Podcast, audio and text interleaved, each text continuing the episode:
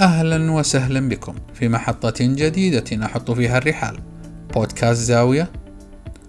معكم سالم العامري وهذا حديثي لكم.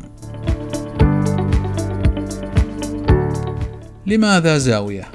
في الهندسة الرياضية الزاوية هي شكل هندسي ناتج عن التقاء شعاعين بنقطة يسمى الشعاعان بضلعي الزاوية. والنقطة المشتركة بينهما تسمى رأس الزاوية ولكن هناك منظور آخر للزاوية.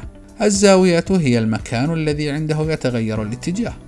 الزاوية هي المكان الذي من الصعب أن تضيئه بالكامل حيث ينعكس الضوء فيه باتجاه كل الاتجاهات. الزاوية حادة الطباع ولا يشبع رغباتها إلا مزهرية مزخرفة مليئة بالزهور.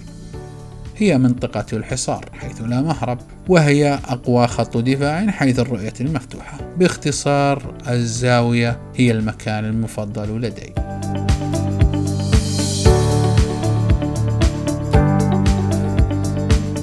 لذلك اخترت هذا الاسم كي نضع فيه طاولتنا وفوقها كل الملفات الحياتية والعلاقات الاجتماعية والنفس البشرية الإيجابية والسلبية.